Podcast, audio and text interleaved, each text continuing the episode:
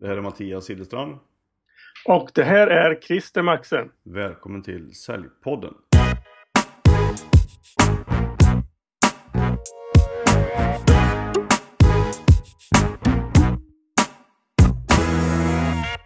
Hej och varmt välkommen till Säljpodden. Det här är Christer Maxe.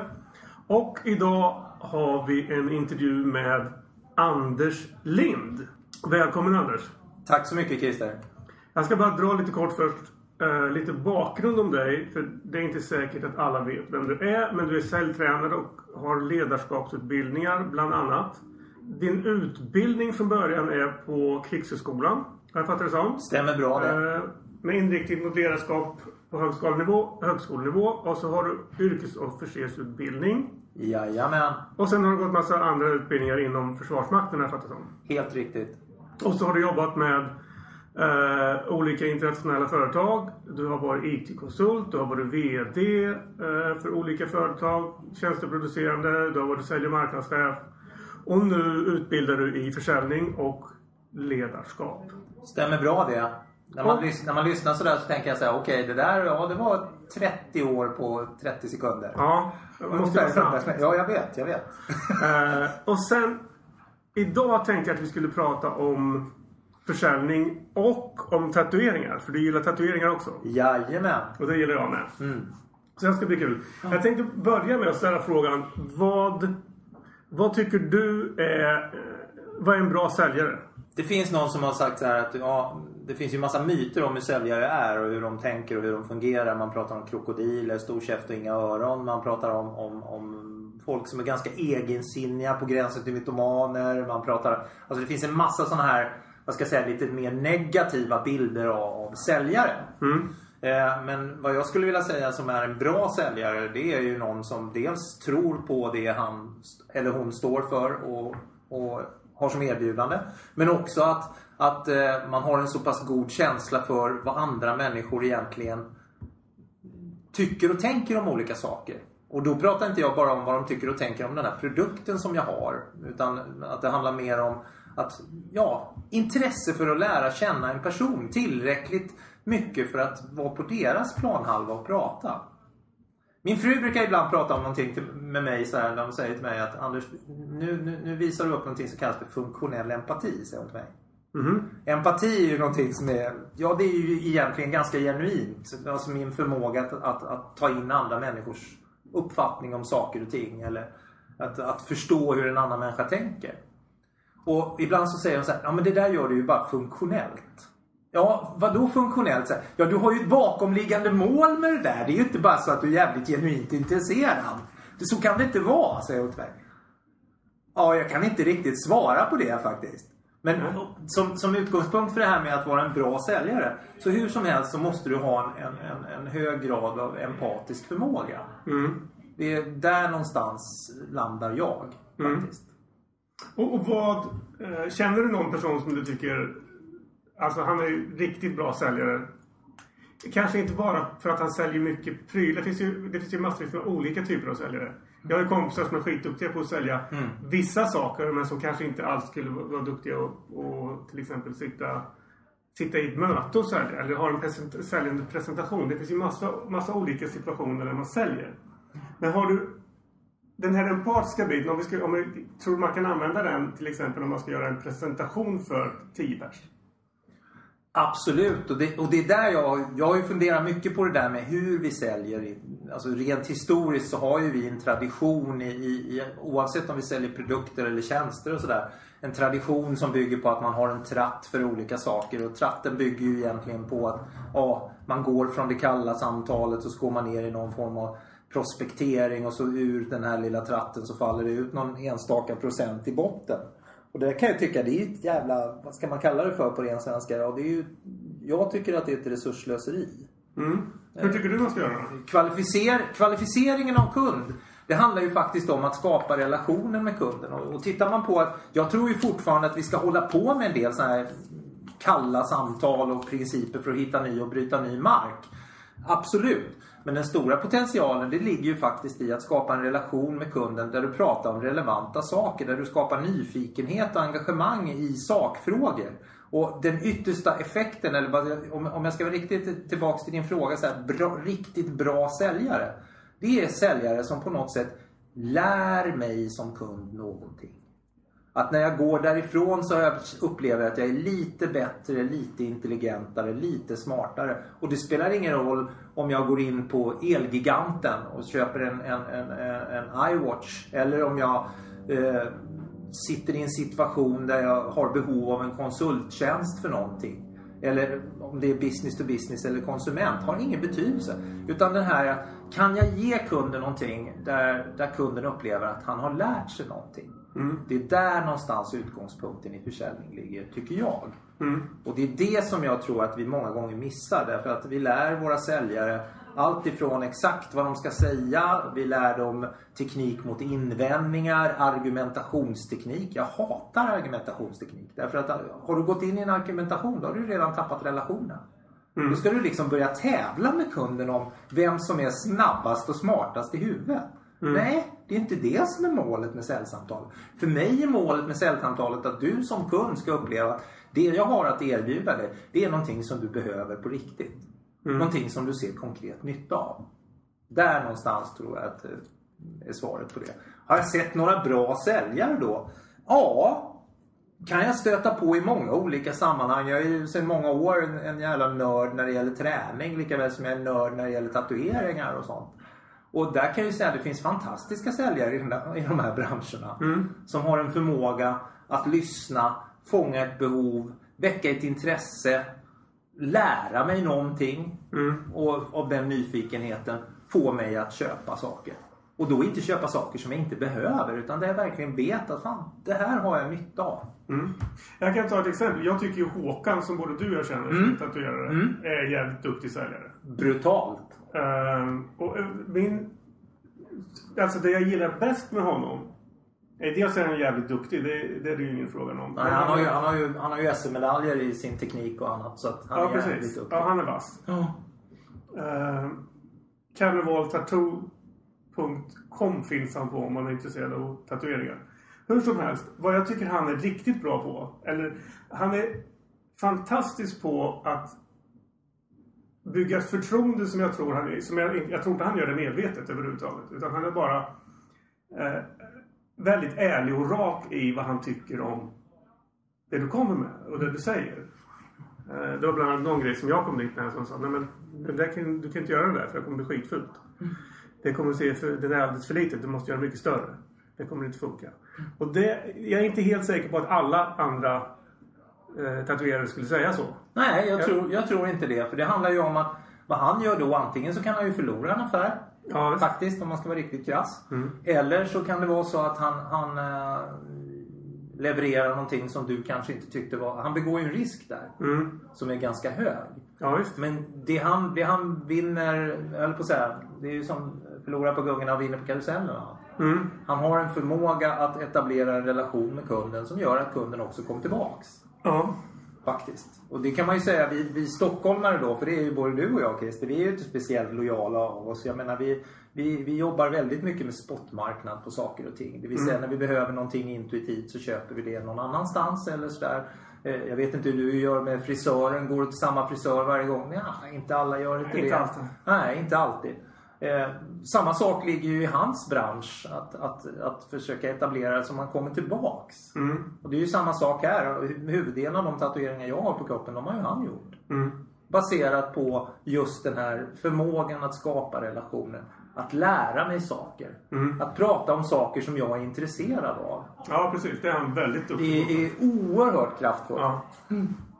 Och då är vi tillbaka till det här med bra säljare. Så här. Jag kan ju säga så här. Jag är inte intresserad av golf. Jag är inte intresserad av segling. Jag blir sjuk bara att gå ut på en flytbrygga. Faktiskt. Jag, jag utsätter mig för mycket andra saker. Men där är liksom... Men jag kan prata om de sakerna också. Om folk är intresserade av det. Alltså vi är tillbaka till den här funktionella principen. Att kunna bibehålla ett samtal. Att folk känner sig trygga. Och plus att jag lär mig massor. Mm. Jag har i princip aldrig spelat golf. Jag har väl slagit någon, någon, någon, jag har väl slagit någon hink då och nu mest för att se om det överhuvudtaget går att förflytta den där bollen med den där lilla klubban. Gick det då? Ja, sådär. Jag slår ju, när jag väl träffar slår jag hyggligt långt. Men det är ju mer på kraften, på teknik kan Ja. jag. Det är, jag slår som jag håller en yxa i handen liksom. Men jävlar vad långt det går när jag träffar. Ja, det är bra. Så Du det- har lite klipp. Ja, lite, lite klipp i det faktiskt. Men, men de går ju inte, de går inte rakt varje gång heller. Så det är bra med det. Liksom. Men långt går det. Om vi kommer in på en annan grej. Ja. Jag tänkte vi skulle fortsätta på, på säljspåret. Absolut. Du har ju säljutbildningar. Ja. För, för flera olika typer av branscher, om jag fattar det rätt.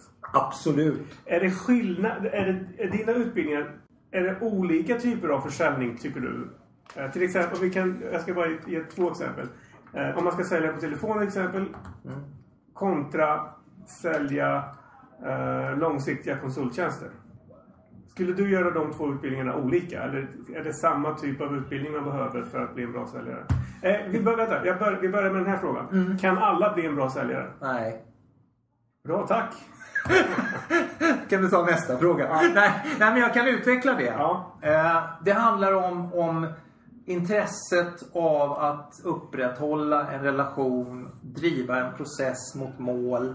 Att, att eh, samtidigt som jag är tävlingsinriktad ha en ambition att möta folk där de faktiskt verkligen genuint behöver någonting eller har en nytta. Och det är inte alla som har fallenhet för det där. Det finns massor med folk som pratar sönder säljare. Det finns de som har svårt för den sociala, alltså som är så pass introverta. För lite extrovert måste man nog ändå vara. Eh, Det finns de som har svårt för att upprätthålla den typen av processer. De tycker redan från början att eh, bara så fort man säger ordet sälj så är det på något sätt att man är ute efter att lura folk. Eh, Alltså, då är vi inne i en värdegrundsprincip hos folk som sitter väldigt hårt.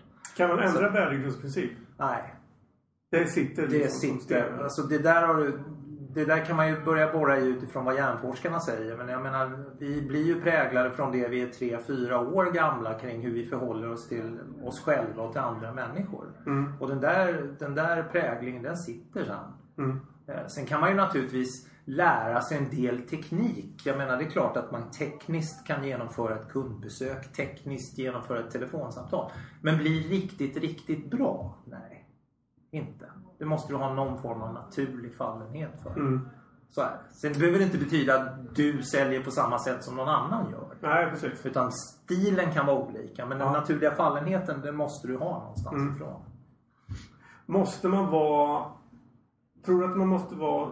Jag, kommer tillbaka Mm. till frågan om utbildningen sen. Men tror, du att man, må- är det, tror du att man måste vara social person? Jag har en kompis till mig som är... Eh, han är säljare på ett av, av de stora svenska, eller ett av de största svenska företagen. Han är jätteduktig säljare. Mm. Eh, och han är extremt social. Mm. Sen har jag andra kompisar som också är bra säljare men som inte alls är sociala på samma sätt som han är. Han är alltid glad och framåt och pigg och allt är kul. Ja. Vad tror du? Är det, tror du att det är lättare att sälja om man har den typen av personlighet? Eller, spelar det, eller kan man vara lite introvert, lite muttrig och sådär och ändå vara bra på det? Det tror jag man kan vara därför att eh, samtidigt som jag säger att det är klart att, du, att utåtriktad är en bra förutsättning. Absolut. Eh, men jag skulle vilja borra ner det där i att vi faktiskt har lite olika drivkrafter. Och, och utifrån personlighet så har du ju olika drivkrafter. En del av oss har drivkraften att är nyfikna på att lära oss nya saker. Vi vill alltid ständigt förändra och förbättra saker. Andra har drivkraften i att det måste bli rätt. Eh, någon tredje person har drivkraften i relationen, det vill säga att du och jag ska ha- en bra relation tillsammans. Fjärde, fjärde person kanske upplever saker och ting. Nu tog jag friheten att använda sådana här konsultkvartiler. Det vill säga när man delar in världen i fyra olika kategorier av människor. Men bara för att exemplifiera. En fjärde kategori av människor eh, faktiskt kan ha som drivkraft själva tävlingsmomentet. Att jag vill vinna. Att, att jag vill vinna. Och, och då blir så att säga idrotten blir det jag har och övertyga dig om att det, du, det jag har det är du beredd att betala för. Så att drivkrafterna är olika vilket också betyder då att du kommer att ha olika styrkor och svagheter med din försäljning. Och där kan man ju säga så här att om du, har, om du, om du då har en social profil om vi nu får använda det ordet då, som, som är lite mer, vad var det du sa, muttrande? Lite, Lite tjurig muttrande. lite tjurig, tjurskallig sådär. Vara liksom kanske ensam Så har, ja, så har du kanske en, en, en annan säljstil än den utåtriktade personen. Men Mm. om man skulle gå in och mäta ditt resultat och din prestation så är det inte säkert att den är sämre än vad, vad den andra personen har. Nej. Därför du använder den här, de här egenskaperna, Mm. den här drivkraften på ditt sätt. Just det. Och, och det gör att du vinner kund. Mm. Att du vinner, att du vinner liksom relation, att du vinner att vi kan ha en affärsmässig relation tillsammans. Tror du, jag, jag är fortfarande, jag, jag, kommer, jag ska komma ihåg den här frågan jag tog från början. Men jag kommer på andra roliga frågor. Ja då. Säljtävlingar är det många som har på företag. Jajamän. Tror du att det är bra? Nej, Inte? generellt sett så tror inte jag på säljtävlingar. faktiskt. Nej, varför inte det? Eh, därför att idag så befinner vi oss i en marknad där kunderna är mognare än vad de har varit tidigare. Det vill säga de är sakkunniga på vad vi har för produkter och tjänster.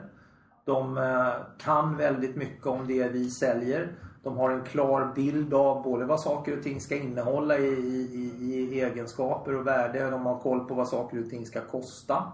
Eh, Ska vi möta kunden på ett bra sätt långsiktigt, då är det ett teamarbete vi pratar om. Mm. Så att om vi pratar om säljtävlingar så är det klart att säljer du en väldigt enkel produkt eh, där säljprocessen är väldigt kort, eh, där eh, du lever på en massmarknad. Ja, då kanske du kan ägna dig åt det. Sen är jag ju kritisk till det sättet att sälja därför att en massmarknad är aldrig en massmarknad för evigt för vilken leverantör det än må vara. Man kan ta Nokia som ett exempel. Man kan ta en massa andra exempel historiskt också.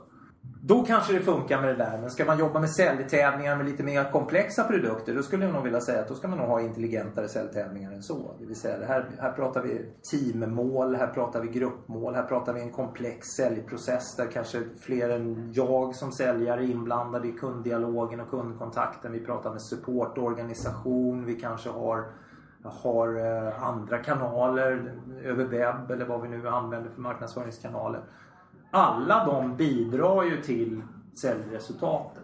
Mm. Då är vi inne på det här med säljtävlingen som företeelse. Att ja, kan man teama upp det? Ja, det är klart du kan. Kan du, sälja, kan du jobba med en säljtävling som har med en grupps resultat att göra? Absolut. Gör det. Mm. Därför att då tror jag du får en bättre verkan. Mm. Långsiktigare verkan framförallt. Ja, precis. Ja. Så tänker jag. Men vad bra, då kommer vi tillbaka till frågan om, om utbildning. Alltså om, om man ska utbilda sig som säljare. Ja.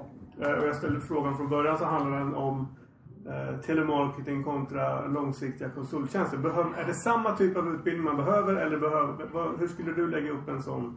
Om du skulle få, få två uppdrag idag. Mm. En telemarketing, en konsultuppdrag. Hur, hur skulle du lägga upp de utbildningarna? Skräddarsyr du utbildningarna eller, eller gör du, har du liksom det här är min utbildning, den kör jag? Jag har, ju, jag, jag har ju jobbat en del i utbildningsbranschen och, och som en del av det jag håller på med så är det ju att leverera en del utbildning och sådär. Jag kan ju se att eh, de här öppna kurserna som finns av tradition, den produkten, den finns ju fortfarande och det finns ett bra värde om man nu pratar om att, att lära folk baskunskaper kring försäljning. Att förstå det här med allt ifrån hur man kanske prissätter sin produkt, hur man upprätthåller ett samtal, hur man, hur man jobbar med en kundportfölj, hur man prioriterar kunder, hur man gör lite analyser, hur man driver ett lättare telefonsamtal eller hur man bokar ett besök. Alltså, alltså basal hantverk. Då kan det väl vara bra att gå den där typen av öppnare kurser. Annars tror jag på tesen om att försöka göra saker och ting företagsinternt. Och då knyter det tillbaks till min tes om att ett företags framgång i försäljning utgår ifrån hur ett team presterar. Sen är det väl jätteklädsamt om man har någon Zlatan i laget. Det gör väl ingenting. Det har jag inget problem med. Men jag tycker ändå att det finns någonting som handlar om hur gruppen presterar i förhållande till den marknad och den, man, den kund man har och alla är med och bidrar. Alla måste förstå att de bidrar. Det betyder att jag tror mer på företagsinterna säljutbildningar än vad jag tror på de öppna kurserna. Mm. Din andra fråga där, är det någon skillnad mellan telefonsäljare och, och andra säljare? Eller om man nu säger så att vi som jobbar med, med telefonen som huvudredskap kontra de som jobbar med det personliga mötet. Nej, det finns en kärna där också. Kärnan av vad det är för drivkrafter som, som kunden har. Jag nämnde ju det tidigare. Säljaren har olika drivkrafter vilket betyder att han har olika typer av säljstilar utifrån det. Kunden är- har ju olika drivkrafter också och olika personligheter. Vilket också betyder att eh, du måste förstå det. Och du måste kunna känna igen och se de beteenden som kunden har för att kunna möta dem. Och kunna anpassa dig till de beteendena som kunden har. Och det är lika. Oavsett om du sitter i telefon och har telefonkontakter med kunden eller om du sitter i, i ett personligt möte. Sen har du ju alltid lättare att göra analysen öga mot öga än vad du har i telefonen. Så den basen kan vara samma. Mm. Vad är det som skiljer sig? Ja, telefonsamtalet där kanske du bara har några enstaka minuter på dig att, att kvittera med kunden kring vad det är för någonting han ska köpa. I det personliga mötet, ja då kanske du i bästa fall har en timme på dig. Klart att du har en annan teknik när du jobbar i, i det personliga mötet än vad du har i telefonen. Så att på det tekniska planet, hur du ställer frågorna eller vilka typer av frågor du ställer, hur du, hur du leder och driver och styr samtalet ser lite olika ut. Tro-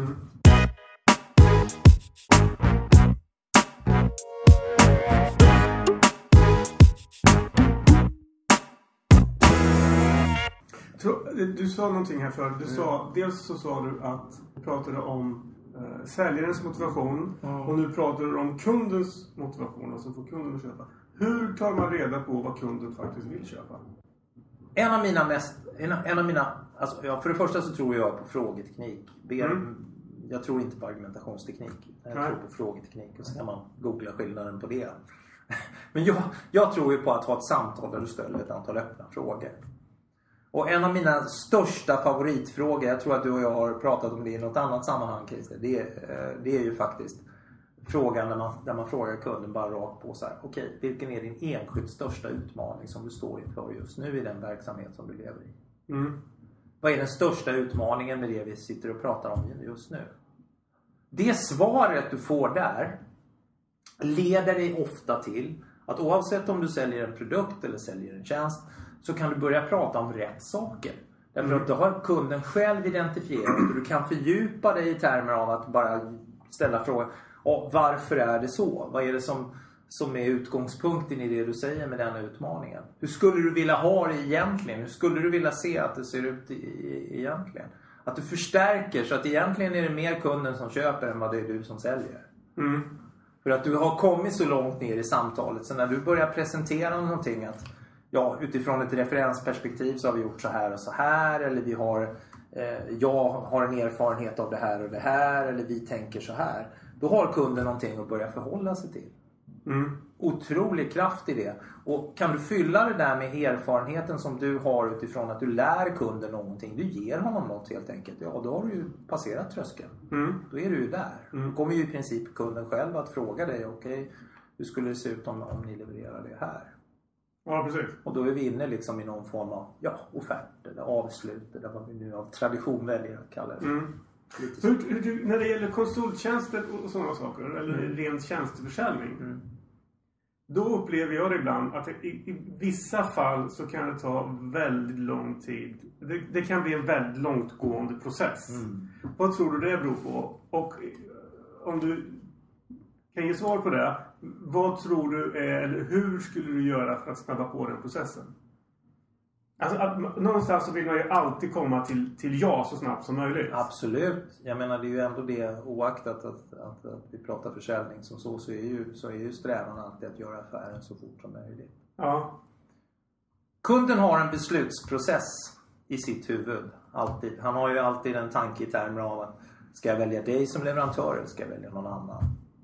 Ska jag göra det här eller ska jag inte göra det överhuvudtaget? Mm. Kan vi göra det med interna resurser eller ska, måste jag ta in någon externt ifrån? Mm. Alltså, alla de där frågorna snurrar ju i huvudet på kunden hela tiden. Mm. Och, och din uppgift som säljare då det är ju att korta den här beslutsprocessen. Mm. Och enda sättet att korta den det är att vara närvarande med kunden när han sitter och reflekterar, när han funderar. Och det är därför som jag tycker ibland sådär att vi är lite för snabba på att gå på avslut. Mm. Det vill säga i första samtalet, vi vill gärna i det första mötet, första kontakten vi har med en kund så vill vi gärna ha med oss offert därifrån. Mm. Nej, fel säger jag. Mm. Därför att det gör inte att, det gör inte att han kundens beslutsprocess blir kortare. Det blir snarare längre. Därför att helt plötsligt så ska ju du producera ett dokument du skickar tillbaka till kunden. När kunden tittar på dokumentet så "Åh, måste ju köra lite interna möten på det där va. Eh, jag måste ju stämma av mig med någon. Jag måste liksom, ja det finns en massa interna processer. Och det enda du kan göra då det är ju sitta och vänta. Mm. Ja, i bästa fall så kan du ringa och säga så du, jag, jag funderade på några saker när jag skrev offerten så här. Har ni några kompletterande frågor på den? Eller ja, hur du nu vill göra va. Den typ, alltså du överlåter hela beslutsprocessen till kunden istället för att delta i den. Mm. Och vad betyder det att delta i den? Ja, för mig betyder det egentligen att när du, när du har haft första mötet med kunden då kan du komma till ett åtagande där du säger så här. Jag ska gå hem och fundera på några saker och kommer tillbaks till dig. Jag vill att du som kund funderar över några saker. Mm. Jag har ett ganska roligt exempel i, i närtid faktiskt. Där jag, där jag går in till kunden och vi sitter och pratar om, om en idé och en tanke kring våra tjänster. Att vi skulle hjälpa till med säljutveckling och så vidare. Ja visst. Eh, men, men, men då sa jag till kunden så här, okej vad är din största utmaning just nu? Ja, vi måste börja prioritera kring våra kunder. Jaha, hur menar du då? Ja, vi har ett kundunderlag som ser ut så här, så här och vi skulle vilja utveckla de befintliga kunderna vi har. Ja, varför det? Och så har vi ett samtal kring det. Och när, när jag sitter där så säger kan vi inte ta fram din kundlista och titta på den och prata lite kring det? Ja, så flippas det upp ett Excel-ark, för det är ju ofta det som är utdraget ur något säljstödssystem någonstans. Ja, då ställer jag några frågor. Ja, då säger jag så här. Med det underlaget så skulle jag vilja säga så här att innan vi överhuvudtaget gör affär du och jag, eller jag skickar en offert till dig eller någonting, så skulle jag vilja att ni, ni, ni ska göra en hemläxa på det här. Mm. Ja, vad menar du då? Sen? Jo, jag vill att ni besvarar följande frågor. Så går jag igenom några frågor som jag tycker känns aktuella för dem. Så här, ja, när, på vilka grunder ska ni prioritera de här kunderna? Eh, vilk, vil, eh, vilka är det som ni har snabbast möjlighet att, få en affär med? Eh, alltså jag ställer några frågor för att få, få dem att göra analysen själva. Mm. När jag lämnar det där mötet så tar det ju inte mer än några dagar så ringer kunden och säger ja nu har vi gjort det här, vad ska vi göra nu? Nu, skulle jag vilja, nu vill jag ha en offert från dig för att se. Jag har inte sålt något. Kunden har köpt. Mm. Det är det som är skillnaden lite där.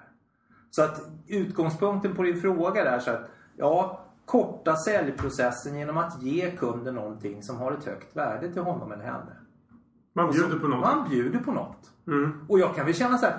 I min värld så är det ju jätteskönt om folk har gjort det här istället för att vi ska lägga massa tid på det i klassrummet.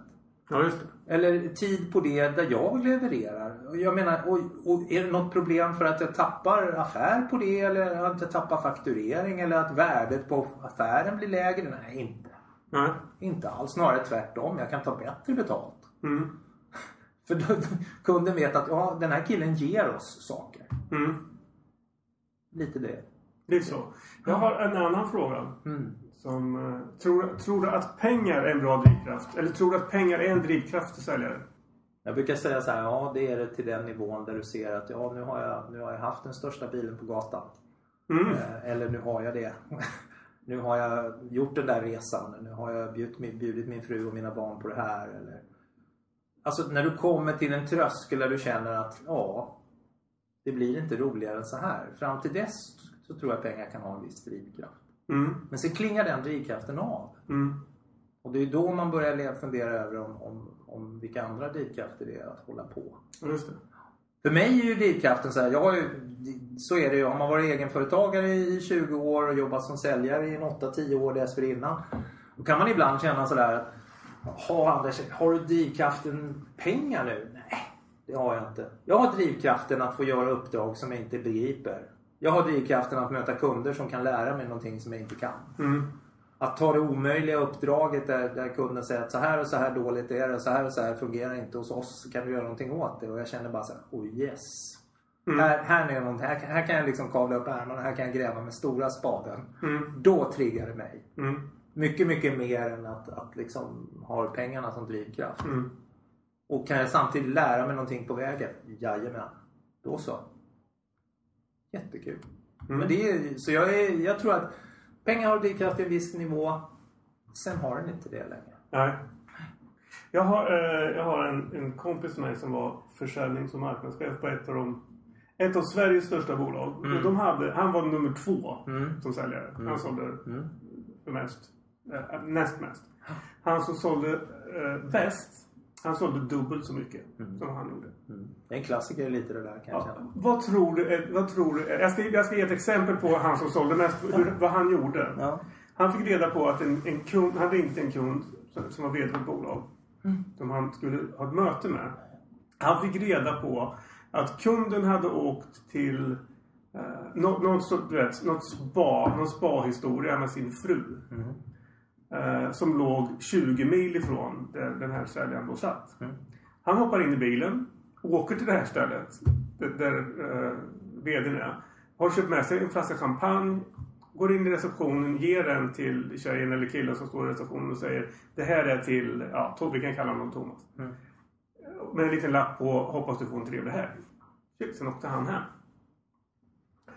Så han hade ju lite olika varianter på sin, på sin införsäljning. Men vad tror, vad tror du det är som gör att någon säljer så hiskeligt mycket mer eh, än vad den andra gör och den andra är inte, är inte en dålig säljare? Liksom?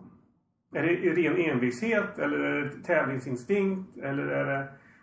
Vad är det som... Jag har stött på den där det fenomenet som du beskriver, det har jag stött på i andra sammanhang. Jag har jobbat nära en sån organisation också där vi, där vi var etta, tvåa. Så. Mm. Och det som skilde ettan från tvåan väldigt, väldigt tydligt. Det var att ettan kunde när som helst åta sig saker som organisationen tyckte var helt omöjligt. Någonting Okej. som var helt... Han gjorde någonting som avvek så extremt. Han tog kontakt, han ringde ett telefonsamtal som ingen skulle våga ringa. Han pratade om saker och, och presenterade möjligheten att leverera saker som ingen annan överhuvudtaget skulle våga tänka Mm. att, att man kunde leverera. Eh, hade, hade möten med människor som ingen hade vågat möta överhuvudtaget. Som tyckte att det låg på helt fel nivå i helt fel bransch. Mm. Alltså att våga vara utanför den här komfortzonen. Att ja, så här gör man när man säljer. De det. här kunderna jobbar vi med. De här uppdragen har vi. Ja. Nu råkar det vara en kille som, som jobbade så här. Han sket i det faktiskt på riktigt. Ja. På ren svenska. Han struntade i den där ramen. Okej. Den fanns inte för honom. Nej. Alls. Utan det var bara Jajamän, in med grejerna. Ja. Jag ringer honom. Det är väl inget problem liksom. Så här, VDn på Telia. Ja men vad fan, det är väl bara att ringa. Ja. Och säga, så här tänker jag. Mm. Lite det här med att göra det som är utanför. Sätta sig i en bil, åka 20 mil, ställa in en flaska champagne i receptionen. Mm. Ja, precis. Det är det som skiljer den som säljer dubbelt så mycket från den som säljer fortfarande bra. Mm.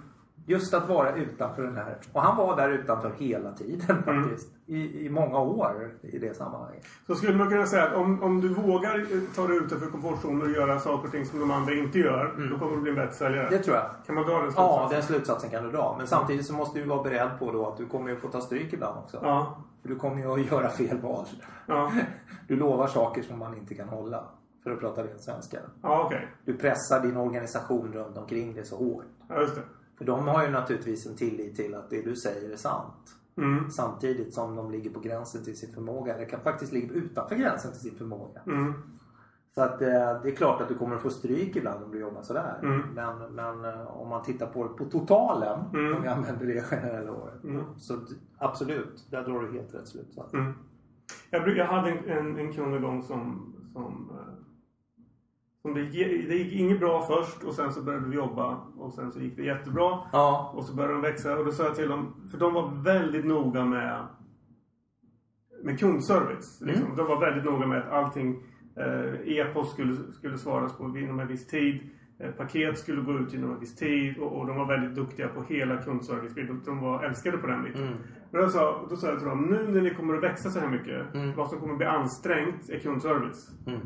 För att det går inte att växa och ha kvar samma kundservice. Eller det går inte att växa snabbt. Och de växte hypersnabbt liksom Mm. under, under en viss tid. Och det, var, det stämde ju ganska bra. För det, kundservice blir, de, de hann inte med. Liksom. Nej. Och det, går, och det, måste, det tror jag man, man, om man, är, om man är lite nervös över att saker och ting ska börja gå för bra. Det kan man ju vara.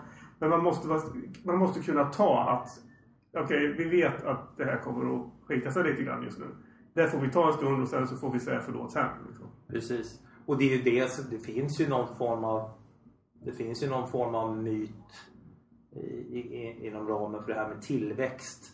Eh, som, som handlar just om det här att eh, ett företag eller en verksamhet eller en organisation den, den gör sina största framgångar i tillväxt genom att ta det omöjliga uppdraget. Mm. Ta, det omöjliga, ta den omöjliga positionen på marknaden. Mm. Erbjuda det som är helt omöjligt. Mm. Och det, det ligger mycket i det tror jag.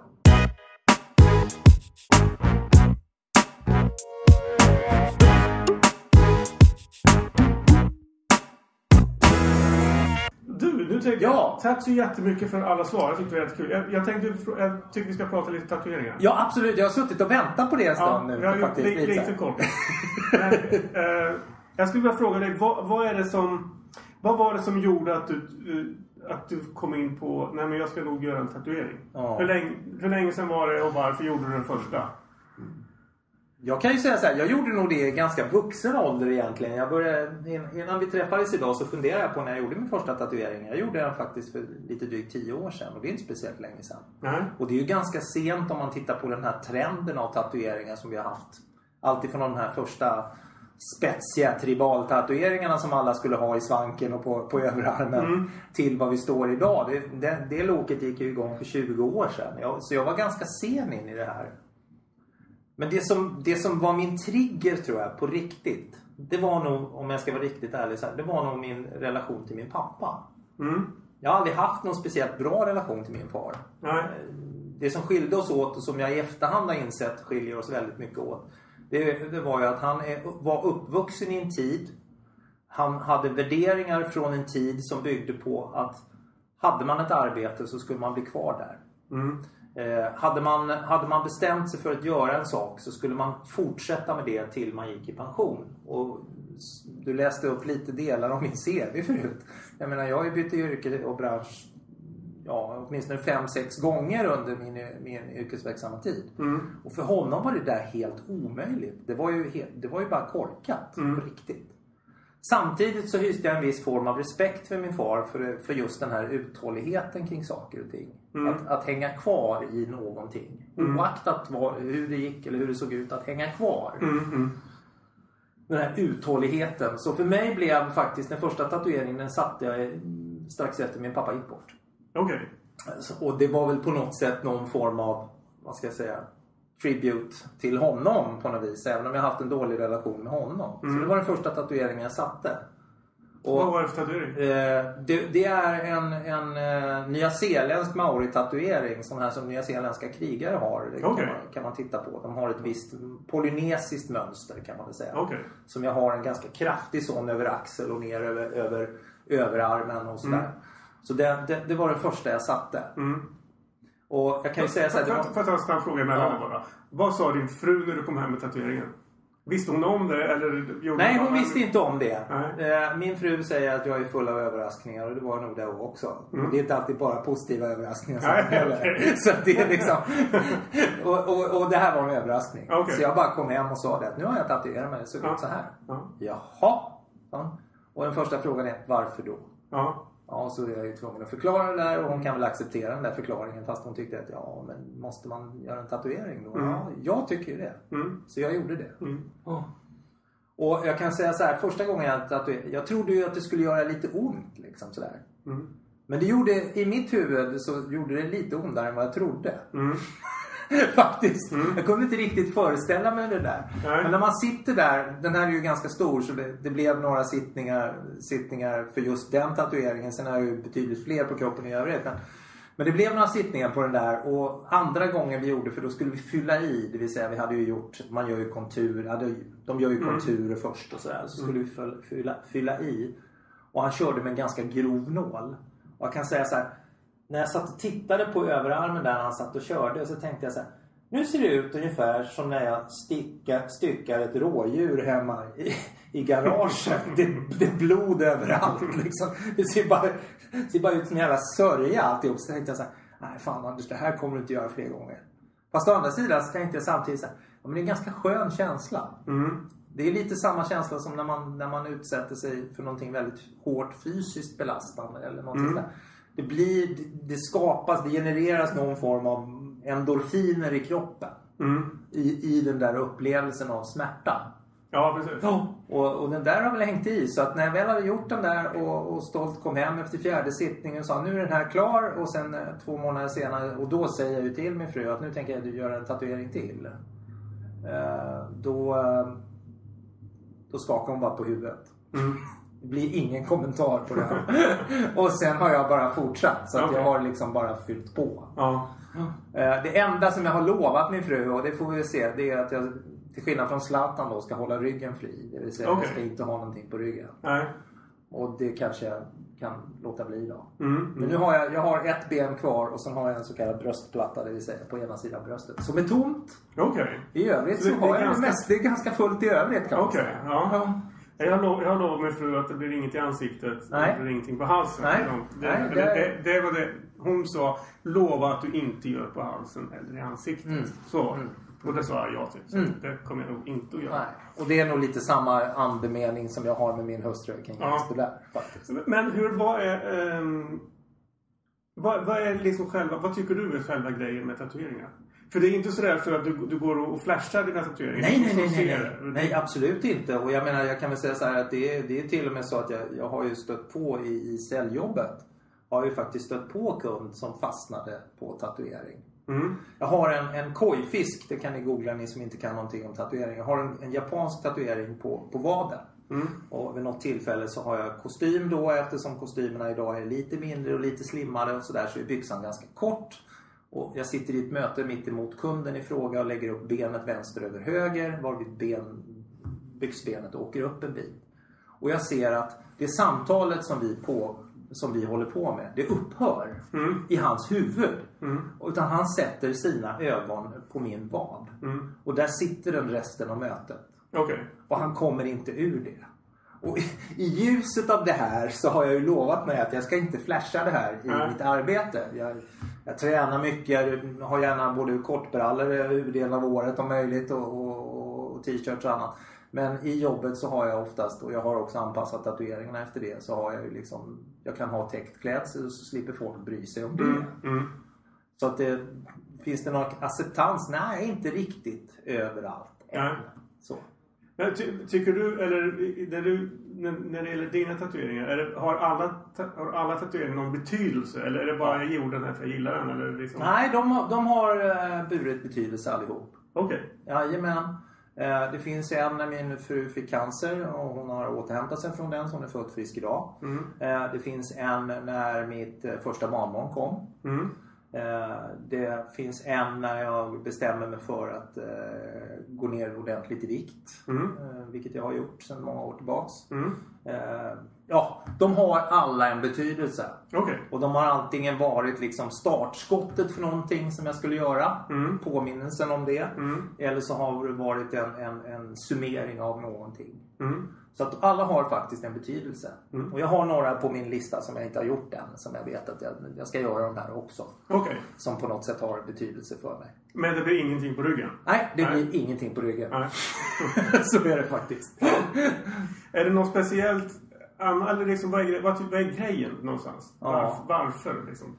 Den ena är väl liksom upplevelsen och känslan att göra en tatuering sittande på plats. Därför att Ja. är, vi är tillbaks till det här med, det är ungefär som att utsätta sig för ett hårt träningspass där du ligger på maxpuls och gör någonting som är jävligt obekvämt. Mm. För det är obekvämt. Mm. Tatuering på sitt sätt. Men du får någon form av euforisk känsla i kroppen. Eh, Den andra är liksom den, den känslomässiga markören att nu har jag ett, ett, någonting som på något sätt påminner mig om någonting. Mm. Den är också värdefull och viktig för mig. Mm. Eh, Så att det på något sätt är det, ja. Det är en memoar som sitter på kroppen och som jag inte har gjort i slutet av livet utan som jag har gjort när livet har pågått. Mm. Det är mina memoarer som sitter där. Mm. Sen måste jag nog förklara varför det ser ut som de gör för att en del av tatueringarna är kanske inte självklara. Nej. Eh, Varför står det död eller ära på vänsterarmen till exempel? Mm. Ja, det finns ett skäl till det. Mm. Eh, varför, varför har jag en bröstplatta med ett hjärta och ett ljus i och så står det min frus namn där? Ja, det finns ju en förklaring till det då. Jag kallar henne för mitt hjärtas ljus. Mm. Och då har jag det på Mm. bröstet. Mm. Över hjärtat, på hjärtsidan. Alltså det finns, men man måste kanske förklara det för folk om någon är intresserad. Och, och det är inte utan att man får frågor. Vad är det där och varför? Nej. Och jag har alltid en förklaring. Men, men är du intresserad, genuint intresserad av tatuering? Läser du tatueringstidningar? Kollar du tatueringar på Jag nätet? gjorde det under en period. Tills Ja. jag insåg, och det är tillbaka till mitt intresse att lära mig nya saker. Det är samma sak som med försäljningen. Mm. När jag började tatuera så läste jag tatueringstidningar. Ja. Att till slut så insåg jag, ja, nu har jag läst det här. Nu kan jag det här, situationstecken. Mm. Eh, har däremot då samlat på mig lite böcker hemma. Eh, ivrigt påhejad av mina barnbarn som tycker att det är lite, och mina, eller mina barn framförallt. Ja. Som tycker att det, det är väl helt okej att pappa har tatueringar. Så jag har ju fått några sådana här tatueringsböcker. Ja. Både historiska böcker och även, även eh, fotoböcker. Mm. Så jag har ju en, en, ja, jag har någon halv meter i hyllan hemma. Okej. Med några alster kring det där. Ja. Och, det, och det blir ju lite inspiration också. Så att Mm. jag, jag har väl hittat några där som jag tänker, ja, som finns på listan över saker som jag borde göra. Vad är nästa då? Eh, Har du bestämt det eller? ja, det tror jag. Nästa blir ett ankare. Ja. Eh, och den får ju på något sätt symbolisera någonting som jag tror på. Mm. Och som, jag, som, som är viktigt för mig. Ja. Och just nu så är det här med mina, mina barnbarn och möjligheten att umgås med dem utöver att jag har ett hektiskt arbetsliv och fortfarande tycker att det är kul att jobba mycket. Mm. Så finns det ett ankare hos dem. Och då ska de ha en, en tatuering för det. Mm. Så det blir nog en, en underarm ganska snart. Får ett problem då för nu kan jag ju fortfarande vrida upp mina manschetter upp till halva, halva underarmen. Det kommer Mm. jag inte kunna göra sen då. Då, då är det fullt. Mm. Men eh, det är min nästa. Så det blir en sån. Vad tycker barnbarnen om att farfar är tatuerad? Ja, de tycker, ja, då tycker jag att morfar har bilder på kroppen. Ja, okej. Och det är helt okej. Ja. Så de, är, de tycker det är helt okej. Vad skulle du säga om dina barn tatuerar sig? Eh, min eh, mellandotter har gjort det. Okej. eh, I nacken. Mm. Eh, och så har hon en, en på sidan av bröstkorgen också. Mm. Eh, jag kände väl så att de bestämmer själva. Mm. Fast jag gav väl någon, några, några tips om det här med att, eh, precis som din fru, halsen kanske inte är så lämpligt. Nej. För det är, inte, det är liksom inte socialt accepterat i alla stycken och alla lägen. Ansiktet likadant. Mm. Eh, Så jag har inga problem med det. Nej. Men däremot så är det ju så att eh, jag blir oerhört glad när man ser att eh, tatueringsbranschen i Sverige faktiskt i huvudsak håller sig till åldersgränsen 18 år. Mm. Nu finns det de som inte gör det men de som är professionella gör ju det. Ja. Och, och jag har ju hänvisat eh, min dotter då till professionell tatuerare så Mm. hon har ju valt att göra det den vägen. Mm. Jag har inga problem med det. Ja. Vad bra. Du, stort tack för eh, samtalet. Tack själv Christer. Det var Hur, jätteroligt. hur gör man om man vill få tag på dig? Vart är det enklast att hitta dig? Eh, jag har en eh, hemsida som heter mongara.se.